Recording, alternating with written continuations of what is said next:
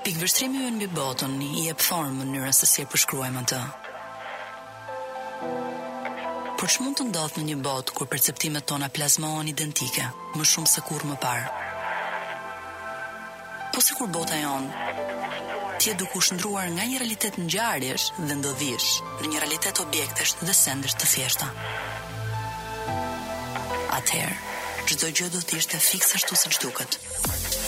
Pa mister, pa nëntekst, pa mundësinë e një Deux ex machina. Çdo gjë është ashtu siç duket. Ky është një podcast shndërrimi.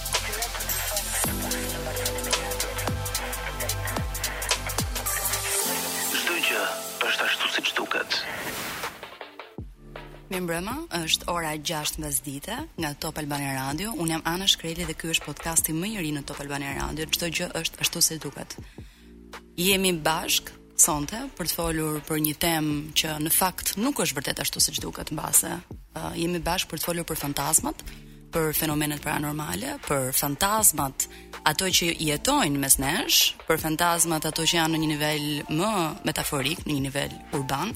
Dhe të ftuar sonte kemi Sokol Çungën, i cili është uh, një mik i mirë, është arkivist, paleolog, paleograf, Është përkthyes dhe aktivist. Ë uh, e gjithë linja e diskutimit do të mbahet pikërisht në një mënyrë, po themi pro e kundër, pra për të parë pak a shumë si është zhvilluar kjo figurë nga korat e veta uh, të parë, të cilat na dalin edhe në etnografi dhe në antropologji dhe për të parë sot e kësaj dite në radhë të parë.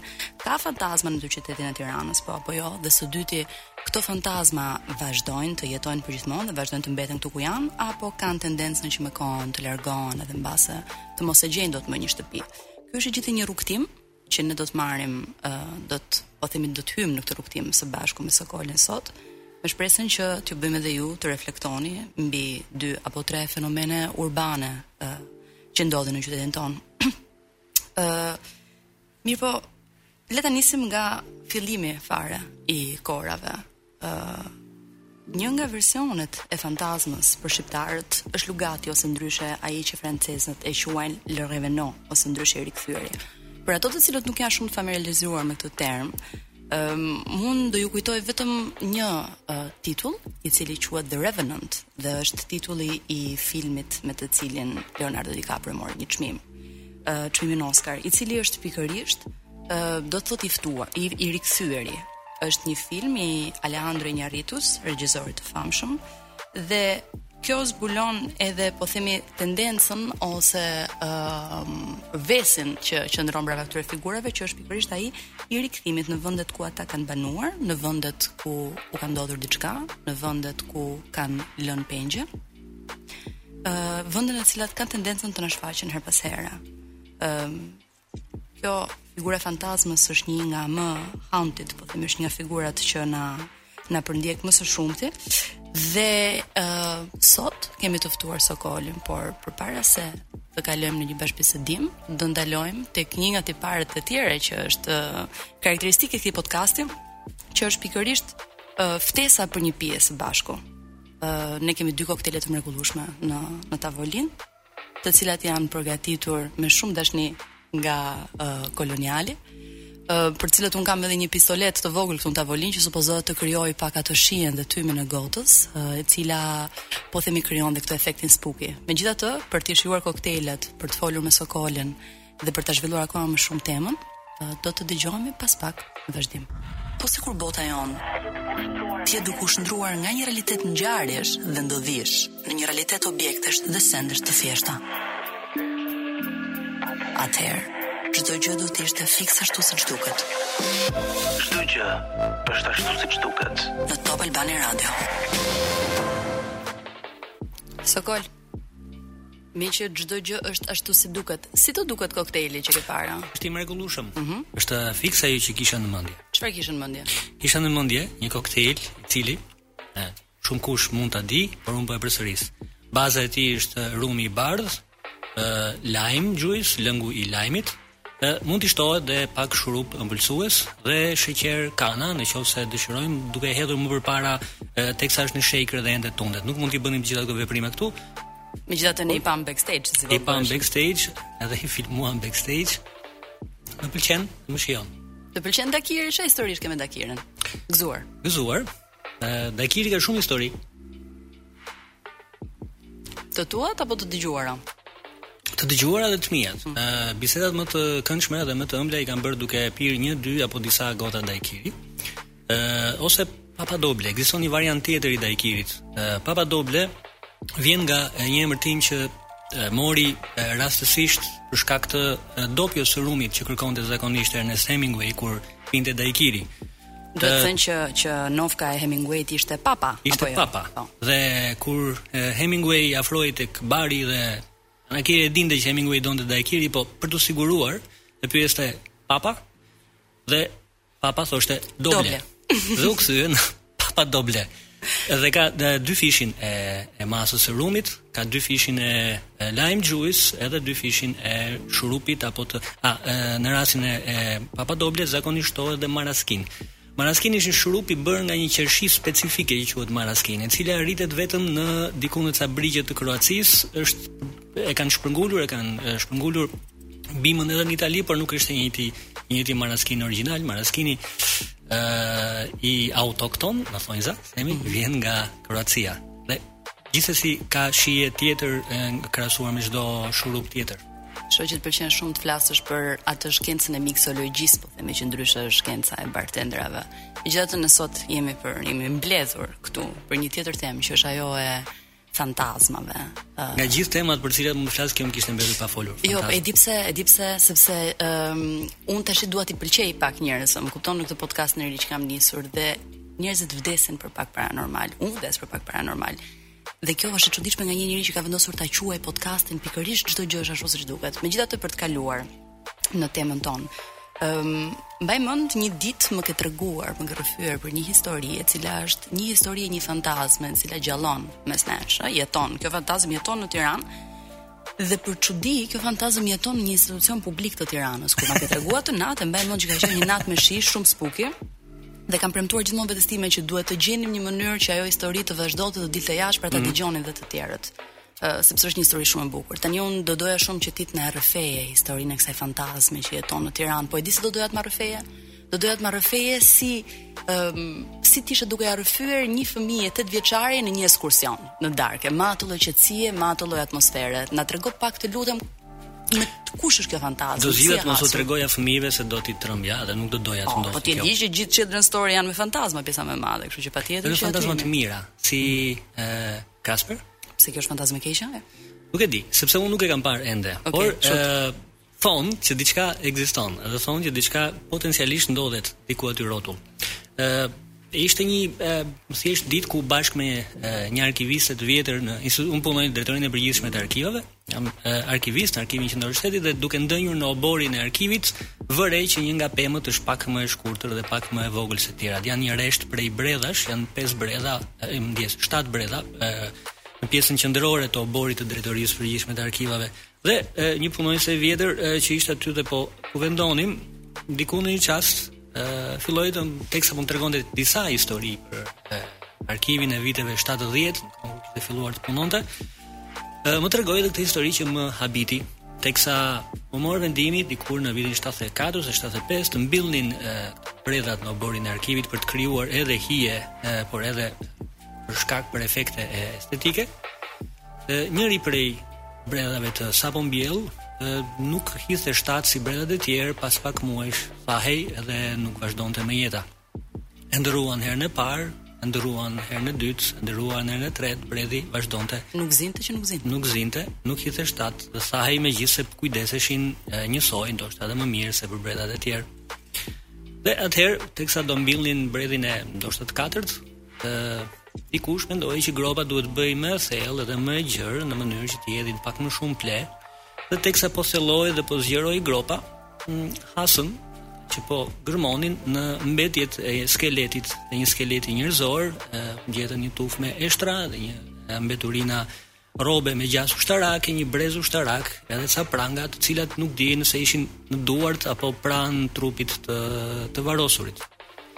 Mbasi u nxor u nxorën mbetjet e njerëzore të gjetura në gropën e hapur krejt rastësisht, u mboll bredhi dhe ndodhet aty ku është ende dhe sot, nëse u bie rruga të kaloni në rruga Asim Vokshi, quhet rruga aty, shikoni nga oborri do shikoni një pemë e cila po ta llogarisim nga dera kryesore është e treta ose e pesta po ta llogarisim nga ana e gardhit. e cila është më e vogël, më e shkurtër, më e në krahasim me pemët e tjera të bredhit.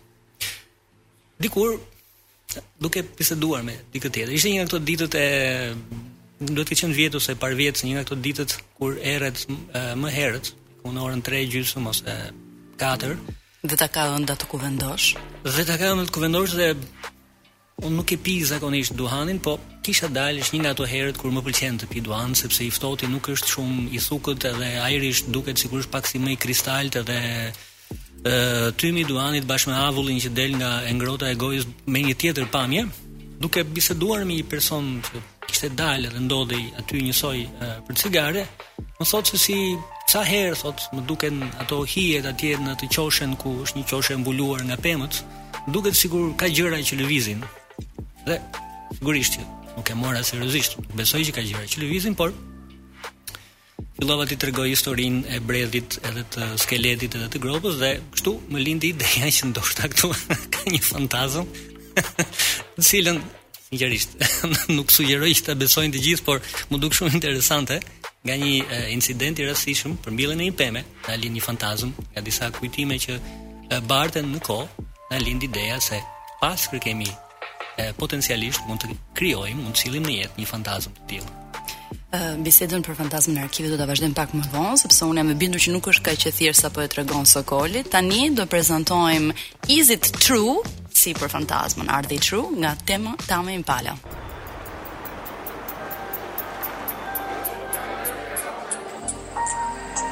Çdo gjë është ashtu siç duket. Ok, rikthehemi në çdo gjë është ashtu si duket me Sokol Çungën, lamë një bisedë varur, Koli, po na tregoje për fantazmën e arkivit të shtetit po tregoje që ka njerëz të cilët e besojnë. Dhe unë në fakt kam dëgjuar histori njerëz që thonë që në atë godinë ka hapësira ku mbase ka më ftohtë se në vende të tjera një nga këto bëhet fjalë për një seksion skanerash, nuk e di. Se ti më duket se po do të ta hedhësh pak paq, pa e thënë deri në fund sa njerëz e besojnë vërtet këtë histori, kështu që të lutem, the stage is for you. E, godina në të cilën është vendosur që prej vitit 1951, e, Drejtoria e përgjithshme e arkivave është themeluar, është krijuar, është ndërtuar si e, për të shërbyer si drejtori e xhandarmërisë Dhe mjediset e poshtme disa prej tyre në kohëra të ndryshme mund të kenë kanë shërbyer, sigurisht përpara se të kthehej në institucion arkivor kanë shërbyer dhe si vend mbajtje e vend burgosje, ndoshta edhe si vend torture për të ndaluarit e përkohshëm. Është krejt normale që dhe burgu, sot burgu i sigurisë së lartë 313, dikur burgu i Tiranës, flasim gjithmonë për vitin 1940 e mbrapa në kohën kur është ndërtuar ndërtesa, ka qenë ë kanë qenë të lidhura bashkë me komandën e xhandarmërisë, pra ka një mënyrë organike të lidhjes. Pak histori, krejt rastësisht, arkivi kalon në varësi të Ministrisë së Punëve të Brendshme, merr atë godinë e cila nuk po përdorej më si drejtori policie, ose drejtori e një gjëje tjetër, dhe u kthye drejtori arkivash, duke u shkëputur vetvetiu nga burgu, por gjithsesi mbetet e hapur pjesa që ka njerëz që mund të kenë vuajtur apo kanë mbyllur jetën duke vuajtur veç Skeletit që përmendëm. Veç fantazmës sonë të njohur mund të kemi edhe të tjera të vogla. Mund të kemi edhe të tjera, të cilat sinqerisht unë vetë nuk i kam ndier edhe nuk i kam vënë re, por nisur prej një bisede ë në në në Facebook, në ekziston një grup që ndjek edhe shkëmbej me kolegë arkivistë, grupi quhet Archivist Think, uh, Think Tank. Ë Dhe sa herë ka dhe njerëz jemi dhe arkivistët bëjmë dhe shaka, mund të jenë shaka pak pak arkivistësh. Pak arkivistësh, mm -hmm. por shumë sektoriale që është një vetëm ju me siguri me shakatë tuaja. Në fakt po ti tregoj shumë të ndonjë fantazëm arkivistësh. Duhet të studio, duhet të studiosh pak metodën e përpunimit të dokumenteve në mënyrë që të kuptosh se për çfarë bëhet fjalë. por e, dikur dikush në një pyetje thotë, "Shiko, ë vë një link të një artikulli që fliste për fantazmat e ndërtesave të vjetra dhe bën pyetjen, Sa prej jush që jeni këtu edhe punoni në shërbim arkivor apo në shërbime bibliotekonomie, ë punoni dhe strehoheni në ndërtesa të vjetra, ndërtesa historike, të cilat mendoni që janë të e, banuara edhe nga fantazmat. Dhe në fakt dolën disa dhjetëra histori njerëzish që Arkivistë pak me shaka dhe pak dhe me frikë shpjegonin se si diku dikur në një godinë ku nuk kishte njerëz, dëgjojnë ca zhurma, dëgjojnë ca fëshfërima, diçka ndodh, përplaset një derë, lëviz një dollap, lëviz një perde në kohën që nuk ka asnjë arsye tjetër pse të lëvizi.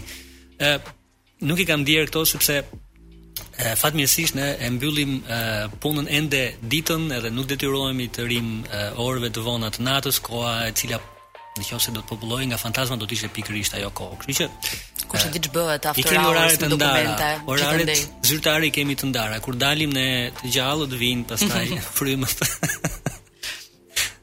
Ok, po për t'u rikthyer në në në temën e fantazmave. Ëm, ehm, um, është shumë interesante se si ka një ndarje shumë të madhe për perceptimin e fantazmave. Nga njëra anë kemi një kulturë perëndimore, e cila është një kulturë që ka tendencën ta shohë fantazmën si diçka të frikshme, diçka invadente. Në fakt, Fantazma është, në një farë mënyre, e shkuara që vendos të bëhet e pranishme akoma në të tashmen, si për të thënë që unë jam akoma këtu. Ëm um, shpesh mund të jetë një e shkuar traumatike, mund të jenë um, agjent zhvendosje, displacement, um, njerëz që mund të kenë vuajtur nga arsye të ndryshme. Ndërkohë që ka edhe një filozofi tjetër, e cila shpesh mund të duket pak më e paqtë, që është filozofia e Azisë. Për shembull, mua më ka bërë përshtypje kur unë kam qenë kam shpenzuar ca kohë në Bangkok, atje fantazmat janë të mirëpritura, ato quhen fi, dhe janë në një farë mënyre shpirtrat e vendit dhe po të bredhësh nëpër Bangkok, nëpër Tajlandë dhe në hinterlandin e Tajlandës do shohësh gjithmonë këto shtëpizat e vogla shumë të bukura me ngjyra të cilat janë tempuj që i celebrojnë. Në një farë mënyre domethënë shpirtrat e paraardhësve janë të mirëpritur në atë hapësirë. Tek ne në një farë mënyre nuk janë të mirëpritur në këtë hapësirë, në hapësirën tonë. Fakti që dalin gjithmonë si të frikshme dhe nëpër përrallat, fantazmat e Canterville-it, në letërsinë britanike me radhë. tregon që ne kemi një problem. Domethënë mbase filozofia perëndimore ka një problem me me këto shpirtra, me këtë të shkuar që kërkon në mënyrë invadente të hyjë në të tashmen. Ndërkohë që në Azi mbase janë më në paqe me me kohën me kohën që rrjedh edhe me dy kohët që shkrihen me njëra tjetrën. Ë çfarë mendon ti për këtë dualitet, po themi të figurës së fantazmës ndërmjet një fantazme, një një një pajtimi me të kaluarën dhe një tmerri ndaj të kaluarës që përjetohet. Për shembull, dhe në në kulturën shqiptare, në gjithë këto mbledhjet që janë bërë nga Robert Elsi, nga Mark Tirta, Mark Tirta ka qenë mbledhës i traditës së folklorit, gjithmonë lugati, po themi që është një nga format e fantazmës, është është është negativ, është është një formë negative, ne kemi edhe mallkime që thonë dalsh lugat e me radhë, domethënë shumë të ndryshme. Kështu që dua të them si e shikon ti këtë dualitet, pse pse ndahen shumë fiks? Kam përshtypjen pavarësisht se çfarë prirjesh kanë fantazmat për të krijuar marrëdhënie me të gjallët edhe çfarë qëllimesh kanë, Ë, kam përshtypjen janë njerëzit ata që u mveshin vetinë e së mirës apo të së keqes fantazmave. Në fund të fundit, mënyra primordiale e të parit të botës edhe të vendosurit të një marrëdhënie me botën është kjo është e mirë dhe kjo është e keqe. Edhe që në vogëli edukohemi për të kuptuar të mirën nga e keqja, për të kuptuar pozitiven nga negativja. Sillu mirë, mos u sill keq. E cila në fakt është pak bardhezi, kam idenë humbasim. Shumë bardhezi, shumë binare dhe absolutisht nuk lë uh, asnjë lloj hapësire për alternativë të dytë. Dhe vetvetiu edhe fantazmat, të cilat var apo çfarëdo lloj qenie që do mund të kategorizohej si fantazmë, një shpirt, një lugat, frymë, janë disa fjalë që përdoren në të tilla raste. Edhe fantazmat detyrimisht duhet të jenë të mira ose të liga. Ë në mitologji kemi frymë të liga, por kemi edhe qeniet gjallesa të gjallesat jo materiale, të cilat janë edhe të mira. Siç kemi orët e liga, kemi edhe orët e mira. Pa të janë më shumë kensa. E, e izta, edhe po kemi edhe zanat e mira që ndihmojnë njeriun. Pra janë krijesa mitologjike, po, por janë krijesa jo materiale. Klasifikohen në atë botën e e së, së përtejshmes, jo gjithmonë shpirtra që janë kanë qenë në jetë dhe kanë vdekur, por janë pjesë e botës e cila nuk kapërcehet dhe ka një kufi të qartë dhe nuk kapërcehet, nuk arrihet prej të gjallit, arrihet vetëm në një formë tjetër, të transformuar, jo fizike, mm -hmm. jo lëndore. Ë është deri diku më kujton atë që edhe pak më parë ma përmende para se të vinim këtu, botën e Platonit, në platonike, ku Përpara se të vijmë në këtë realitet fizik, ekzistojmë në një përmasë tjetër, një përmasë frymore, shpirtërore, ideore mbase. Ideore në të njëjtën kohë ku banojnë edhe qeniet që materializohen dhe vijnë në këtë jetë si qenie të gjalla njerëzore apo si qenie të gjalla në formë kafshësh, shpendësh, insektesh e kështu me radhë, peshqish, zvaranikësh, e kemi edhe të tillë mes nesh. ose materializohen si ide, si libër, si tryezë, si objekte, të cilat qëndrojnë pranë nesh dhe kanë një shpirt. Nga ana tjetër, pandeizmi është edhe kjo forma e e përpunuar e të patur i të dhënit gjithçkaje një shpirt në mënyrë që të mos krijojmë vetëm një marrëdhënie lëndore, por dhe një marrëdhënie shpirtërore. Si për shembull kjo tavolina që kemi këtu. Më pëlqen. Ne do kalojmë në një këngë, të dëgjojmë Are You Mine? by Arctic Monkeys, që është kënga e preferuar e imja. Po sikur bota jonë të jetë duke u shndërruar nga një realitet ngjarjesh dhe ndodhish në një realitet objektesh dhe sendesh të thjeshta. Atëherë, çdo gjë do të ishte fiks ashtu siç duket. Çdo gjë është ashtu siç duket. Në Top Albania Radio. Jemi akoma këtu me fantazmat, me Sokolin, Do themi që tani që vazhduam të pinim pak edhe nga kjo dakiri jonë, po themi jemi ngrohur akoma më shumë, kështu që po futemi akoma më shumë në temë. Sokoli më kujtoi që është fiks, fiks nata për të folur për fantazmat sot, sepse dje paska qenë hënë e plotë. Ndërkohë gjatë kohës që ishim në pauzat publicitare, ë uh, Unë kam marrë shumë mesazhe, nga plot njerëz që punojnë në institucione publike të Tiranës që më thonë që mos ç'zhgënjim po prisnim që të ishte institucioni jonë, kishim një bindje që fantazmat ishin këtu, por fakti është që jo, këtë fat me sa duket e ka vetëm drejtoria e përgjithshme e arkivave. Koli ishte duke më folur për ë um, pikërisht um, sensin um, e dhënies së shpirtit të hapësirave dhe objekteve specifike dhe nevojës që kemi për të uh, për për të hyrë në marrëdhënie me to. Njeriu nuk është thjesht e tashmja ose e ardhmja që përpiqemi të reflektojmë, njeriu zakonisht merr frymëzimin apo merr mësimet duke u përpjekur t'i mbledhë ato në të shkuarën në mënyrë që t'i projektojë në të ardhmen dhe ë kjo përmasë e kësaj bote të padukshme kam përshtypjen na duhet në mënyrë që të kuptojmë më mirë edhe veten edhe atë që duam të bëjmë në të ardhmen Në përgjithësi kjo quhet histori kjo përmasë apo jo? Quhet histori e, publike ose private. E quhet në të njëjtën kohë edhe meditim, e quhet edhe e, lutje. Hm, ndonjëherë edhe lutje. Mm. Për ata që duan ta shohin edhe kështu, e, është ai çasti kur duam të gjejmë një identitet dhe duam të kuptojmë se cilët kemi qenë ose cilët kanë qenë ata që na sollën neve këtu, ata që na kanë paraprirë dhe na bëjnë këta që jemi, në mënyrë që të mund të kuptojmë se çfarë duhet, ku duhet të shkojmë, çfarë duhet të çojmë përpara teksa jemi në përmasë përpara se të jemi diçka tjetër. Okej, ti thua që kjo është një nga arsyet, një nga motivacionet pse ne në një farë mënyre kemi nevojë të besojmë vazhdimisht te figura, te fantazma që na kanë paraprirë ose paraprin apo jo hapësirat tona. Do të thuash, pyetja ime është pse këto janë shpesh në kulturën perëndimore njerëzit e kanë frikë këtë marrëdhënie me të shkuarën. Nuk e di historikisht se kur edhe duhet e kisha kërkuar, meqenëse jemi në këtë bisedë, por e, kam përshtypjen çasti kur fillon edhe imazhi i, e, i frymës së ligë ose e frymët e mira në konceptin e krishterë janë Zakonisht ata që na ndihmojnë janë shenjtorët ose njerëzit të cilët kanë gjetur prehje në e, në parajsë pranë Zotit. The one that rest in peace. Ata që janë të prehur në paqe dhe pikërisht paqja nënkupton që nuk kanë nevojën të kryejnë ecejake në në botën e të gjallëve duke qenë diku në një limbo, në një pjek, në një pikë të paqartë, pakuptueshme mes së tashmes, reales edhe joreales. Pra nuk kanë nuk kanë pengje me pak fjalë apo? Nuk kanë pengje. E kam përshtypjen kjo është ky është çasti ku fillon edhe kthehet edhe imazhi i e, shpirtit, lugatit, fantazmës në imazh negativ. Do nuk konsiderohet si një përmasë jo e jona fizike, por një përmasë mendore, shpirtërore, emocionale, ndoshta edhe uh, valësh energjike, e cila vetvetiu na ndikon, uh, duke i dhënë këto, sepse thamë pak më parë, uh, edukimin që marrim që në në, në vegjëli e mira dhe e keqja, duke i veshur këto cilësitë e së mirës një përmase tjetër, e cila është një përmasë religjioze, nënkupton dhe një proces caktuar të besuari e kështu me radhë, Atëherë mbeten bosh, dikush do të mbajë përgjegjësi për këtë përmasën e së ligës. Edhe ose do të jenë njerëzit e ligj, ose atëherë kur nuk i shpjegojmë dot, do të jenë gjërat që nuk janë ose më saktë nuk duken, apo jo. Edhe ato që nuk duam t'i mbajmë vetë, përgjegjësinë e tyre nuk duam ta mbajmë, por duam t'ia japim diçka tjetër. Nuk ua japim dot të gjallëve, atëherë do t'ua japim dikujt, do t'ia japim dikujt tjetër. T'ua japim atyre që mendojmë që na ndërhyjnë në mënyrë të paautorizuar në jetët tona. E kuptoj.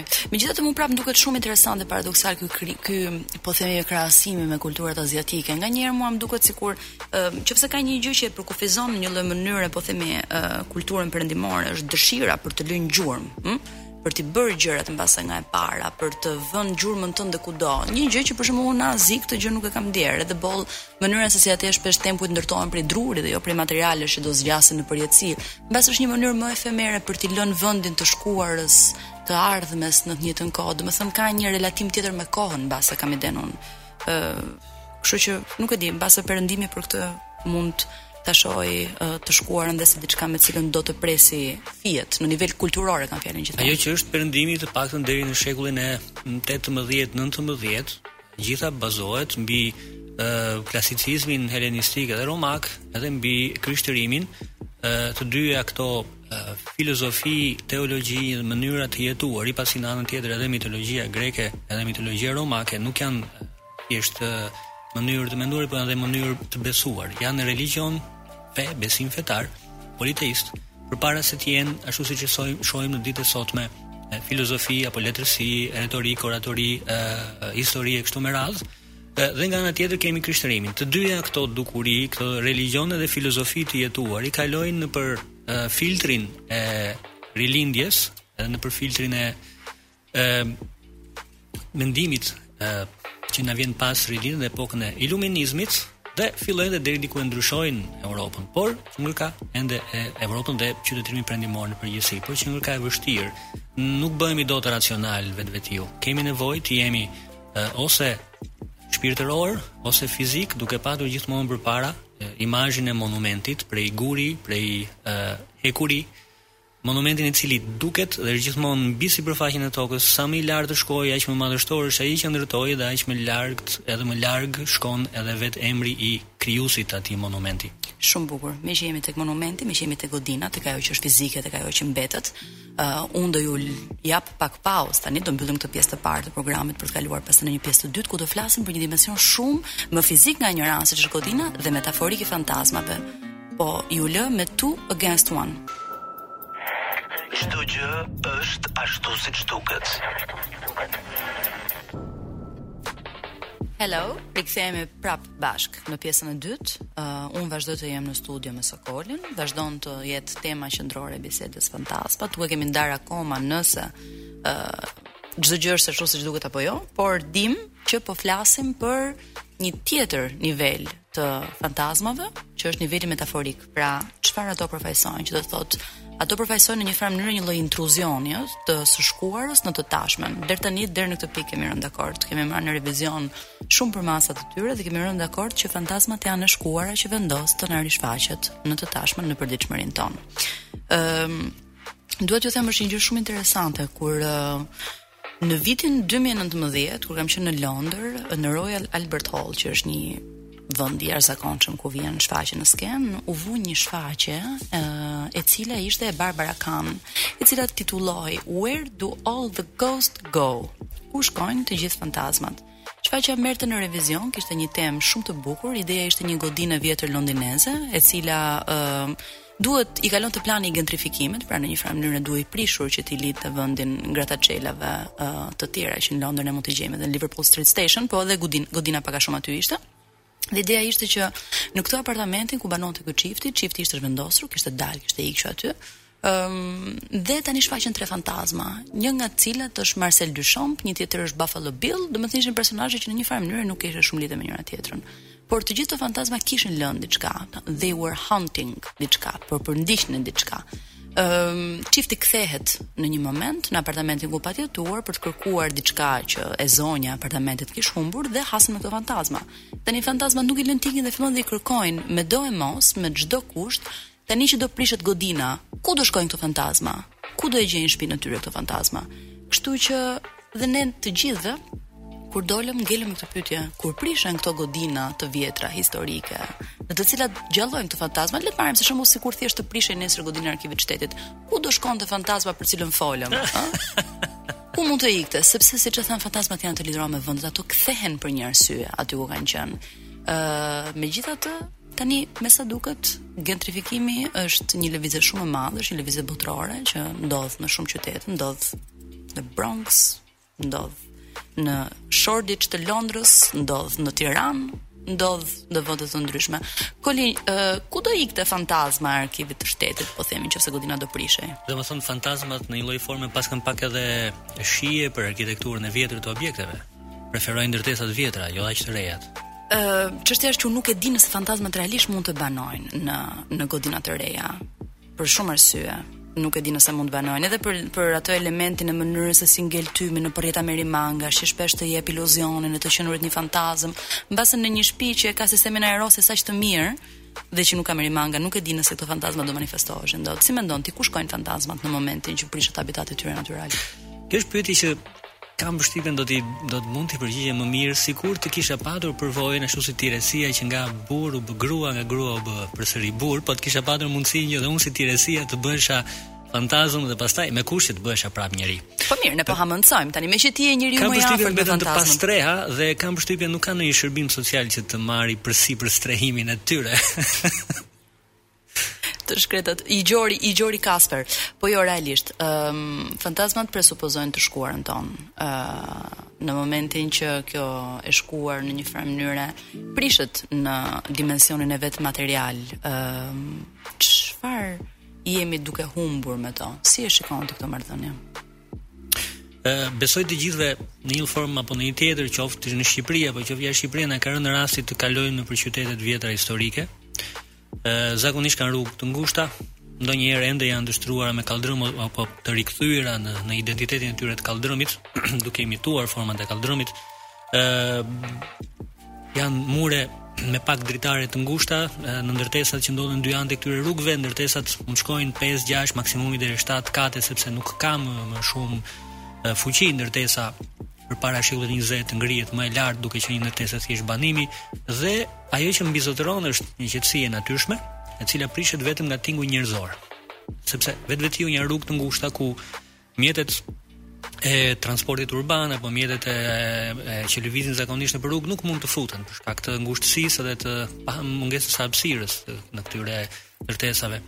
Mes këtyre ndërtesave kam jetuar vetë përkohësisht për një periudhë si student në një qytet të tillë, në qytetin e Korfuzit, në qytetin e vjetër ku qetësia prishet vetëm ose nga ulërimat e njerëzve, zënkat ose nga këngët e njerëzve nga të të e folura me zë të lartë dhe ku me sa duhet mbizotëron e shkuara apo mbizotëron e shkuara sensi i përjetësisë mbizotëron e shkuara dhe vetvetiu në një lloj forme me qetësinë e saj të prek të qarkon të mbështjell dhe të fal edhe qetësinë.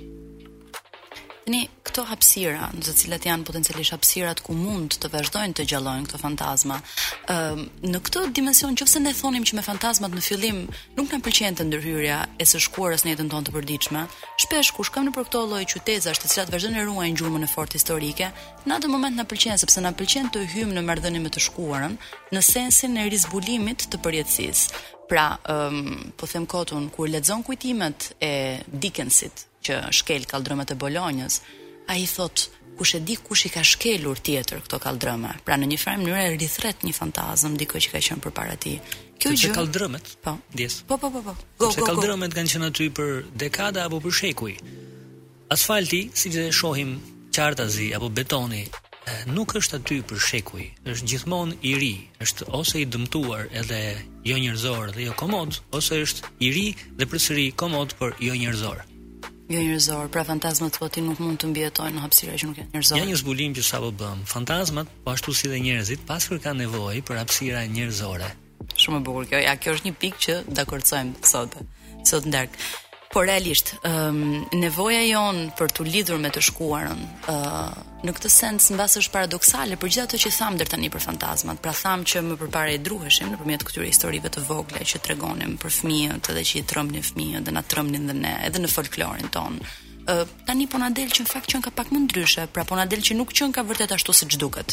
Në sensin që paskemi nevojë dhe të lidhemi me të shkuarën tonë. Çfarë ndodh në momentin që vendosim t'i vrasim këto fantazma, t'i largojmë përfundimisht? A mundemi t'i largojmë përfundimisht? Nuk e di, kjo është pyetja ime.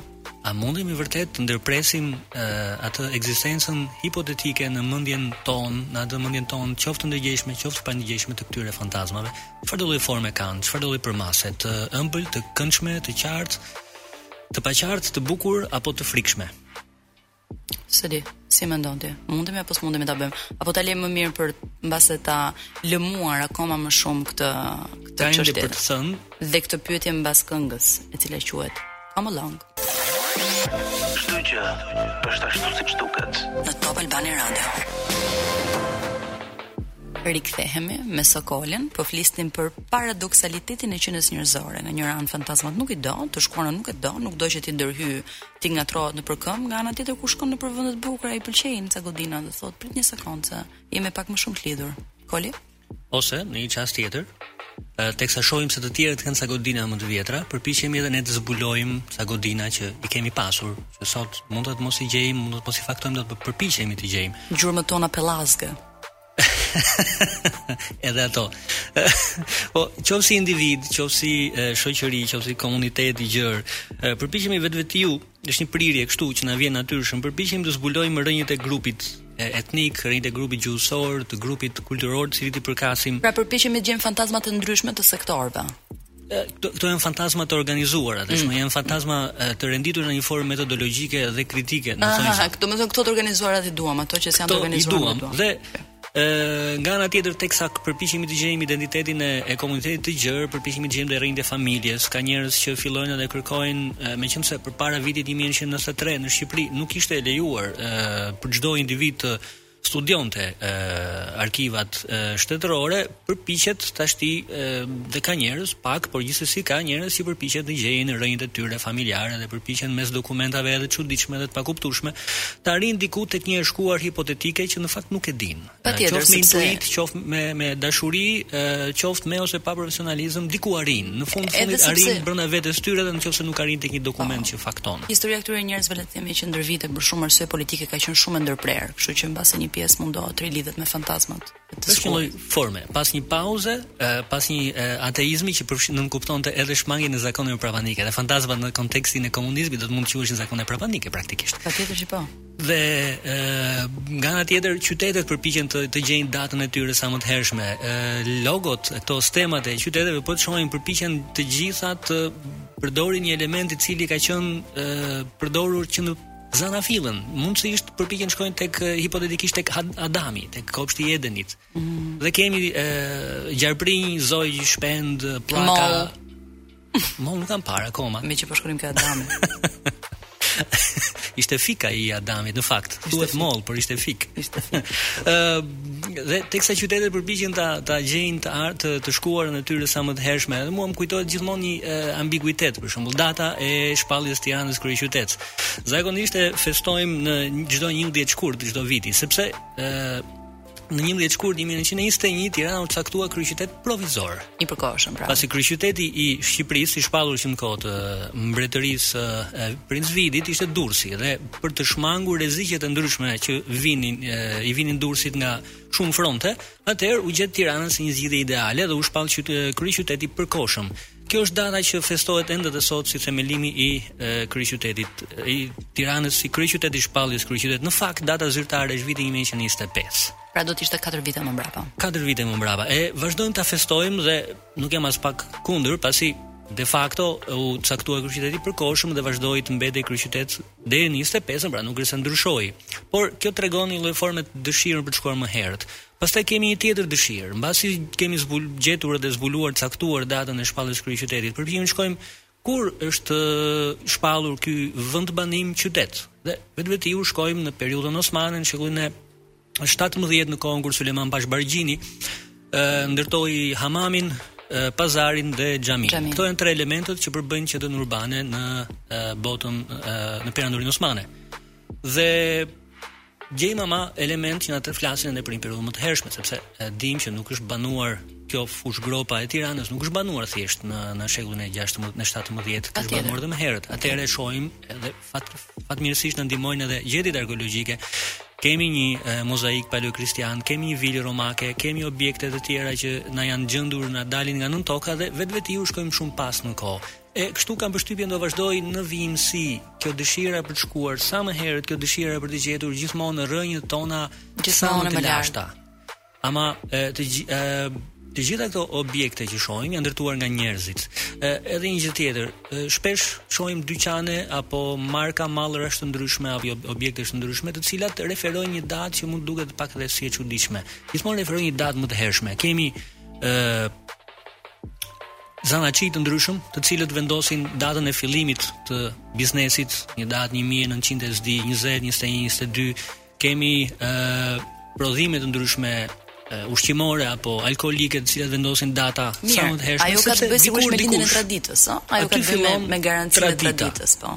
Ë tradita gjithmonë Kemi prirjen të na duket më e vlefshme atëherë kur është edhe më e vjetër, sepse aty tek e vjetra aty qëndron autentikja. Ë dhe marrim autentiken ose imazhin e autentikes, por në të njëjtën kohë harrojmë të mishërojmë dhe të vazhdojmë të futim në vazhdi, në, në vazhdimisht edhe në zbatim në jetën tonë vlerat estetike dhe vlerat filozofike të së vjetrës. Na duhet e vjetra si një datë post kvem nga ku filloi diçka.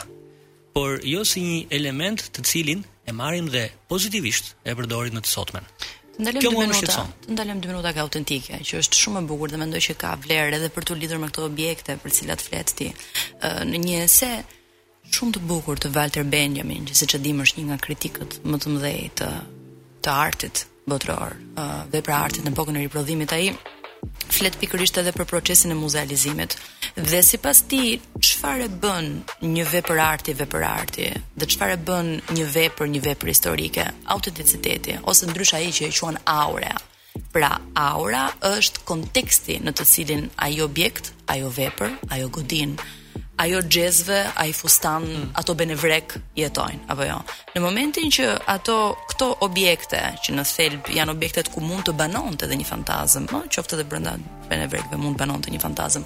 Në momentin që ato objekte hiqen nga konteksti i tyre natyral dhe mbase mbyllen në një muze, pra muzealizohen, ëh, pyetja ime është çfarë ndodh me këto objekte? Pra vazhdojnë e ruajnë aurën, autenticitetin, fantazmën ose në një farë mënyre lidhjen me të shkuarën, kur flasim për lidhjen me të shkuarën, flasim gjithmonë për mënyrën se si raportohet ë njeriu, vizitori, shikuesi përpara këtij objektit. Pra, sa të afërt dhe sa autentik dhe sa të vërtetë e ndjen këtë objekt. Objekti mund të shërbejë si fakt, ë si bazë për të argumentuar një teori, për të argumentuar një datë, një e, individ apo një ngjarje, por në thelb tashmë teksa muzealizohet, teksa krijon një distancë, teksa vendoset mbrapa xhamit apo mbrapa një shiriti të cilin nuk e kapërcejmë dot, menjëherë është shkëputur nga të qenit objekt funksional në të përditshmen njerëzore dhe është kthyer në një objekt të monumentalizuar dhe të muzealizuar. Pra ka humbur shpirtin, po themi. Ë ka humbur komunikimin dhe ka humbur kuptimin në funksionin e tij në të përditshmen. Po shpirtin e ka humbur, fantazmën e ka humbur? Kam frikë që po, mm. kam frikë që po e ka humbur. Edhe aty e ka humbur. Pra edhe kur përveç se kur shprishen, dëmtohen, një mënyrë tjetër për të larguar fantazmat nga këto sende, këto fantazmat e së shkuarës, është edhe zhvendosja, dislokacioni i këtyre objekteve. Ëm um, muzeifikimi është um, komodifikimi, kthimi në një send, kthimi në një lloj atraksioni, është bjerrje e shpirtit dhe zhdukje e fantazmës historike. Kthimi në atraksion është thjesht një biletë në shërbim të çudisë, është thjesht një e, shtangje përpara një mrekullie, përpara qoftë një vepër arti, qoftë një objekti të të, të rrallë të jashtëzakonshëm, por në thelb rrallë flet edhe pak kujt i flet. Këtë temë do ta rimarrim dhe më mbrapa për të folur pak tamam për se si mund të zhvendosen këto fantazma. Tani do kalojmë në një këngë që është shumë e bukur e Sias, quhet Soon Will Be Found. Çdo gjë është ashtu siç duket. Në Top Albania Radio. Deri tani me Sokol Çungën kemi rakorduar në disa pika. Një nga pikat në të cilat ramë dakord, Sokol, më korrigjo nëse jam gabim, është që fantazma Atëherë në koncept modern, ëh, duke lënë pas fantazmat që trajtuam në fillim, të cilat sigurisht që trajtuam edhe me gjysmë shaka, është l'esprit, do thonin francezët, ose është shpirti, ose për ta thënë me fjalët e Walter Benjamin, është aura. Aura. Aura, e cila është aura që rrethon godinat, është aura që rrethon objektet, është aura që rrethon hapësirat tona publike. Çfarë ndodh me auran kur muzealizohet? Krijon distancë me njeriun dhe botën e përditshme, të, si, të, të cilës dikur i ka përkitur, ka qenë pjesë e saj funksionale dhe është larguar dhe është kthyer në një pjesë tashmë historike. E ruajmë, e konservojmë, kujdesemi, shpenzojmë para për ruajtjen, për klimën, lagështirën e kështu me radhë, por Në fund, mbetet gjithmonë në distancë. Nuk mund të ulemi më në atë karrige, nuk mund të ulemi dhe të shkruajmë më në atë tryezë, nuk mund të përdorim më ato objekt, në ato atë objekt, nuk mund ta përdorim për si mjet adhurimi apo si mjet funksional të së përditshmes për të gatuar, për të dekoruar diçka një mjedis, veten e kështu me radhë, mbetet larg mbrapa një xhami. Pra i humbet shpirti. Është forme, po. Humbje e aurës. Fatmirësisht ruhet dhe e kemi aty si dëshmi dhe i shërben racionales tonë për të na faktuar diçka. Megjithatë kudo gjith, gjithmonë më shumë në shumë kryeqytete të botës vëmë re këtë që nga njëra anë gjërat tentojnë të hiqen nga konteksti i vet publik, sepse mbase hapësirat publike na duhen për të tjera gjëra dhe kanë tendencën që të futen në një muze, duke thënë që mbase ky është një operacion që ia ruan vlerat njësoj siç kanë qenë më përpara. Ajo që unë dhe ti po mundohemi të diskutojmë sot me sa duket është fakti që jo nuk është njësoj. Nuk është tamam ashtu. Është Walter Benjamin këtë e krahason tamam me procesin e fotografisë. Një njeri në momentin që di që do fotografohet, tap kthehet në statik. Pra, i fakes ë të qenëve në vetë si imazh. Në këtë rast kam idenë që dhe ne kalojmë të njëjtin proces, veprat kalojnë të njëjtin proces, kthehen nga ë hapësira po themi jetike të përdorshme publike në të mbylluar në një kuti xhami, muze. Dhe pikërisht aty fillon dhe dekompozimi i tyre. Sigurisht nuk jam kundër ligjeve dhe rregullave që kemi për ruajtjen e, e qoftë objekteve e, arkitektonike apo qoftë çfarëdo lloj objekti tjetër të trashëgimisë e, kulturore të luajshme apo të paluajshme. Por, ë vihet re një dukuri. Objektet që janë shkëputur nga komuniteti, gjithmonë fillojnë të degradojnë. Aty fillon çasti kur shkëputen nga zotëruesi e, organik dhe i natyrshëm edhe përdoruesi i natyrshëm i objektit, por cilido qoftë objekti, aty fillon dhe dekompozimi i vetë objektit. I mbetet vlera sepse ka njerëz që ende edhe me objekte të vjetra të komunikojnë dhe të vendosin një lloj marrëdhënie dhe të rindërtojnë narrativën e objektit, Por në thelb objekti është i dedikuar të dështojë dhe të degradohet. Ë për arsye profesionale këtë e vë re me objekte të kultit, të cilat kur u larguan nga komuniteti në vitin në flas në Shqipëri. Kur u larguan dhe iu morën komunitetit në vitin 1967, pikërisht atëherë filloi me revolucionin kulturor. Me revolucionin kulturor njeriun e ri socialist atëherë filloi dhe degradimi i tyre. Dhe nuk e kanë rimarrë veten ende deri në këtë ditë që flasim, pasi ë njerëzit nuk janë më pranë tyre, njerëzit janë të huajsuar me objektin dhe njerëzit nuk ndjehen më pronarë të tyre. Tashmë pronar është shteti. Mm. Dhe shteti nuk mundet të të kujdeset për të gjitha këto objekte, për arsye të mirëfillta financiare, është e pamundur dhe numri i tyre është jashtëzakonisht i madh. Ama vazhdojmë ende, themi shteti e ka përgjegjësinë. Nuk mendojmë pak që 100 vjet të shkuara përgjegjësinë e këtyre nuk e kishte shteti, e kishte vetë komuniteti.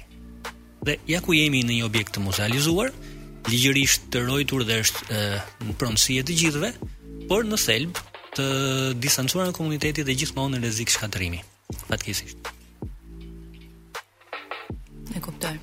Është një Ky është është një pikëvështrim shumë interesant për uh, për për temën në fjalë, sepse duket tamam sikur në këtë moment jemi duke bërë një ping pong, po themi me me me kë është kjo përgjegjësi?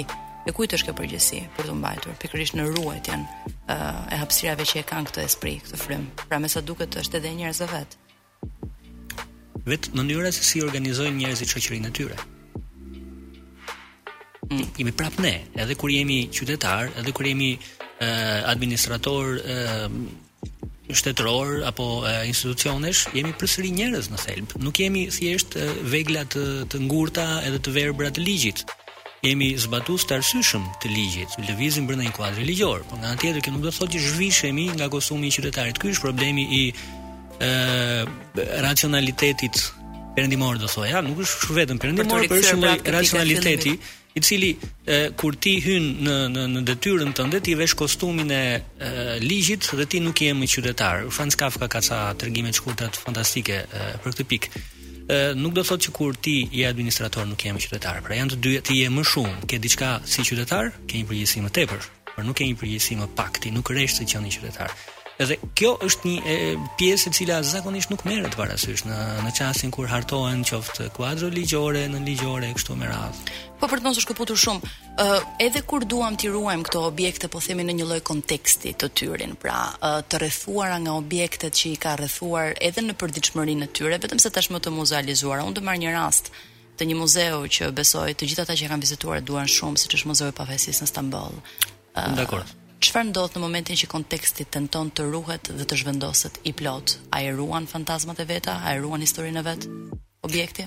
Si vizitor ë i vite kishte që e prisja, por si vizitor shumë i përkushtuar i atij muzeu, Muzeut të Pafajësisë, Po, mendoj që ai muze i ruan, i ruan fantazmat pozitive të vetat, edhe ai ai muze e ruan edhe ë uh, arsyen se pse duhet të ekzistojë një muze i vogël që i flet çdo individi. Nuk u flet grupeve, grupeve të mëdhaja ë uh, kulturore, gjuhësore, racore, kombëtare e kështu me radhë. I flet njeriut. Në çastin që muzeu apo objekti i flet njeriut, ka folur vetvetiu, gjithë komunitetit. Problemi është që duhet me radhë komuniteti të shkojë ta vizitojë atë muze, jo të gjithë e kanë mundësinë. Por kjo është mendoj mënyra më e drejtë për të vendosur një marrëdhënie mes objektit dhe komunitetit. Në atë mënyrë i ruhet aura, qoftë në momentin që ekspozohen bishta cigaresh me buzëkuq që janë të fikura në një cep, apo veshje apo lukë specifike që janë përdorur nga njerëz sepse duhet të thënë që ai muze është i lidhur dhe me një libër shumë të bukur që është Muzeu i Pafajësisë së Orhan Pamukut që ne gjejmë rastin ta përmendim këtu sepse pikërisht ai libër është një letër dashurie e qytetit dhe fantazmave të qytetit kur flasin fantazmave njerëzve që kanë punuar në dyqanat e vogla njerëzve që kanë rrahur kalldrëmat e atij qyteti njerëzve që kanë lundruar dhe kanë peshkuar mbi Bosfor Kështu që e parë në këtë këndvështrim do thoja që nëse deri tani bëmë pikërisht të kundërtën, argumentuam sepse shpesh aura nuk ruhet në procese muzealizimi dhe zhvendosje, ja që kemi një rast konkret të një muzeu i cili ka zhvendosur materialet e veta mbase ndërsa të tjerët e në blok dhe ka arritur që jo vetëm ta ruajë aurën, por në këtë sens T'i bëjë këto fantazmat të veta të brendshme, të bërtasin dhe t'i flasin njerëzve që shkojnë dhe i vizitojnë sot për t'i thënë që më përpara ka qenë dhe një Stamboll tjetër. Ka qenë dhe Stambolli fjala vjen i atij qenit prej allçie që ishte vendosur mbi televizor dhe mes edhe mbi televizor ishte vendosur një çentro dhe sipër çentros ishte vendosur një gjë e qëndisur ishte vendosur edhe qeni. Janë objekte të cilët vetvetiu kur rindërtohen në të njëjtën formë dhe kur shoqërohen edhe me tekstin e duhur, kthehen objekte të gjalla tashmë. Pra i rithrasin e rievokojnë fantazmat e tyre. Ky është një diskutim shumë interesant që fakt do çelte shumë diskutime të tjera, siç janë proceset e muzealizimit sot, për fat të mirë nuk bëhen më muze kombëtarë, nacionalë, muze që mbase duan të tregojnë një makrohistori, vëmendja e sotme për tregimin dhe narrativën e fantazmave dhe të së kaluarës është përqendruar gjithmonë e më shumë në mikrohistorinë, ato që janë fantazmat e qytetarëve të së përditshmës, dhe mendoj që ky është pikërisht njohja dhe pajtimi me fantazmat është mjeti më i mirë për të njohur të kaluarën tonë dhe për të pranuar atë. Ne do kalojmë prirjet në në në botën më gjerë. Patjetër, patjetër. Ne do kalojmë në një pauzë, por don't you panic, sepse ne do kthehemi prapë. Kënga është Don't Panic Coldplay. Rikthehemi me çdo gjë ashtu si duket. Ë, uh, deri tani folëm për qytetet. dhe për aurën, për shpirtin, për fantazmat e tyre. Këtu kemi në këtë pikë kemi rakorduar bashkë me Sokol Çungën, mikun tonë të ftuar sot, përkthyes, arkivist, aktivist. Në qoftë se ka një shkrimtar i cili e ka ngërthyër më së miri polidimensionalitetin e qyteteve me gjithë aurën që kanë, unë do thoja që ai është Italo Calvino në një libër, që quhet Le città invisibili, qytetet e padukshme. Unë sot kam do lexoj një pjesë, Të shkurtër, të një prej këtyre qyteteve që është Memoria numër 5 dhe qyteti quhet Maurilia. Në Maurilia, udhëtarin e ftojnë të vizitojë qytetin dhe në të njëjtën kohë të kundrojë ca kartolina të vjetra, të ilustruara, që e tregojnë qytetin siç ishte më parë. I njëjti shesh me një pulë në vend të stacionit të autobusëve. Kioska e muzikës në vend të mbikalimit, dy zonjusha me ombrellë të bardhë në vend të fabrikës së lëndëve plasëse. Për të mos i zhgënjyer banorët, udhëtari duhet ta lëvdojë qytetin që del në kartolinë dhe ta preferojë ndaj atij të tanishmit, por gjithnjë ama, duke u kujdesur që ta mbajë keqardhjen ndaj ndryshimeve brenda caqeve precize. Duke pranuar gjithsesi që, në krahasim me Maurilan e dikurshme, provinciale, madhështia dhe mbrothësia e Maurilias tashmë metropol nuk e kompensojnë dot një farë hijeshie të humbur, e cila gjithsesi vetëm tani mund të shijohet përmes kartolinave të vjetra. Teksa dikur, i ndodhur përballë Maurilias provinciale, hijeshinë nuk e gjeje gjëkundi dhe aq më pak do ta kishe gjetur tani, po të kish mbetur ajo Maurilia e pandryshuar. dhe që në çdo rast metropoli ka këtë virtyt tërheqjeje më tepër, që nëpërmjet trajtës që ka marrë tani, të lejon të rikujtosh trajtën si ka qenë. Dhe kujdes, mos i thoni kujt se ndonjëherë qytete të ndryshme e ndjekin njëri-tjetrin mbi të njëjtin dhe, nën të njëjtin emër, lindin dhe vdesin pa rënë në sy, pa komunikuar dot mes tyre. Qëllon që edhe emrat e banorëve mbeten po ata, sikurse theksi i të folurit, madje nganjëherë dhe tiparet e fytyrave. Por zotat që rronin nën emrat dhe mbi trojet kanë ikur pa lajmëruar për t'ua lënë vendin zotave të huaj. Është kot të pyesësh nëse këta të tjerët janë më të mirë apo më të këqinj se të parët, meqë mes tyre nuk është se ekziston ndonjë farë marrëdhënie. Njëlloj sikurse kartolinat e dikurshme nuk tregojnë Maurilian siç ishte, por një qytet tjetër, i cili rastësisht fare quhej dhe ai Maurilia. Pra, çdo gjë është ashtu siç duket, varet se me çfarë syri e shikon. Po të shikosh me me syrin e qyteteve që transformohen dhe uh, në të cilat historia rrjedh, dhe që marrin fizionominë e banorëve që i gjallojnë, që i frymojnë këto qytete, sigurisht që ato ashtu janë, ashtu siç duken. Qyteti që ne banojmë sot është në një farë mënyre fytyra jonë. Na reflekton ne. Qytetet që banohen ndërkombëtarisht, qytete të tjera të mëdha, kryeqytete, sigurisht marrin fytyrën e banorëve që që në një farë mënyre frymojnë në to. Kështu që mbas është e vërtetë që mbas rreth 2 orëve diskutim, dy pjesëve, një rrugëtimi shumë të gjatë dhe interesant me ty në këtë në në rrafgimin me s'ka fantazma, s'ka fantazma, ku janë shfaqur, ekzistojnë vërtet në plan shpirtëror, ekzistojnë në plan ideor, ekzistojnë në plan urban, ekzistojnë në plan muzeal, ekzistojnë në plan artistik. Në fund fare, ë uh, doli që është vërtet kështu. Gjërat janë vërtet ashtu siç duken. Kjo është fytyra jonë, e cila me sa duket herë pas here ka tendencën dhe dëshirën që ta shkëpusë marrëdhënien me të kaluarën. Sepse njeriu do të jetë vet, do të jetë i pranishëm. Ta bëjë veten e vet egoja është shumë e madhe mbase. Dhe mbetemi vetëm, pa fantazma. Në fund të Në fund fare jemi vetëm ne, pa fantazma. Ëm um, ishte një diskutim shumë interesant. Ishte një diskutim shumë interesant Koli. Ë uh, mendoj që mbi të gjitha ishte shumë i nevojshëm. Mendoj që ky diskutim mund të kishte hapur edhe ë uh, tema të tjera të derivuara. Megjithatë, mendoj që ajo që bëri në mënyrë më kryesore, po themi ishte fakti që hapi një spektër të madh të fenomenologjisë. Domethënë nisëm që nga mënyra se si shfaqen fantazmat në etnografi, në antropologji, mënyra se si shpesh ato ndërhyjnë edhe gjuhësisht, përmendëm 2-3 shprehje të rëndësishme që lidhen me luga, me lugetërit, mbase disa gjëra i harruam rrugës, harruam që shpesh fantazmat janë kanë shërbyer edhe si Mjete justifikimi, për shembull Fatos Baxhaku në librin e tij Roje shkruan që në fshatrat e jugut uh, u shpik në një farë mënyre figura e lugatit për të justifikuar gratë që mbeteshin shtatzënë mbasi burri kishte vdekur në luftë ose kishte emigruar. Është një deus ex machina i bukur. Mm, është një deus ex machina i bukur, për të thënë që ai erdhi dhe sigurisht uh, la një trashëgimtar.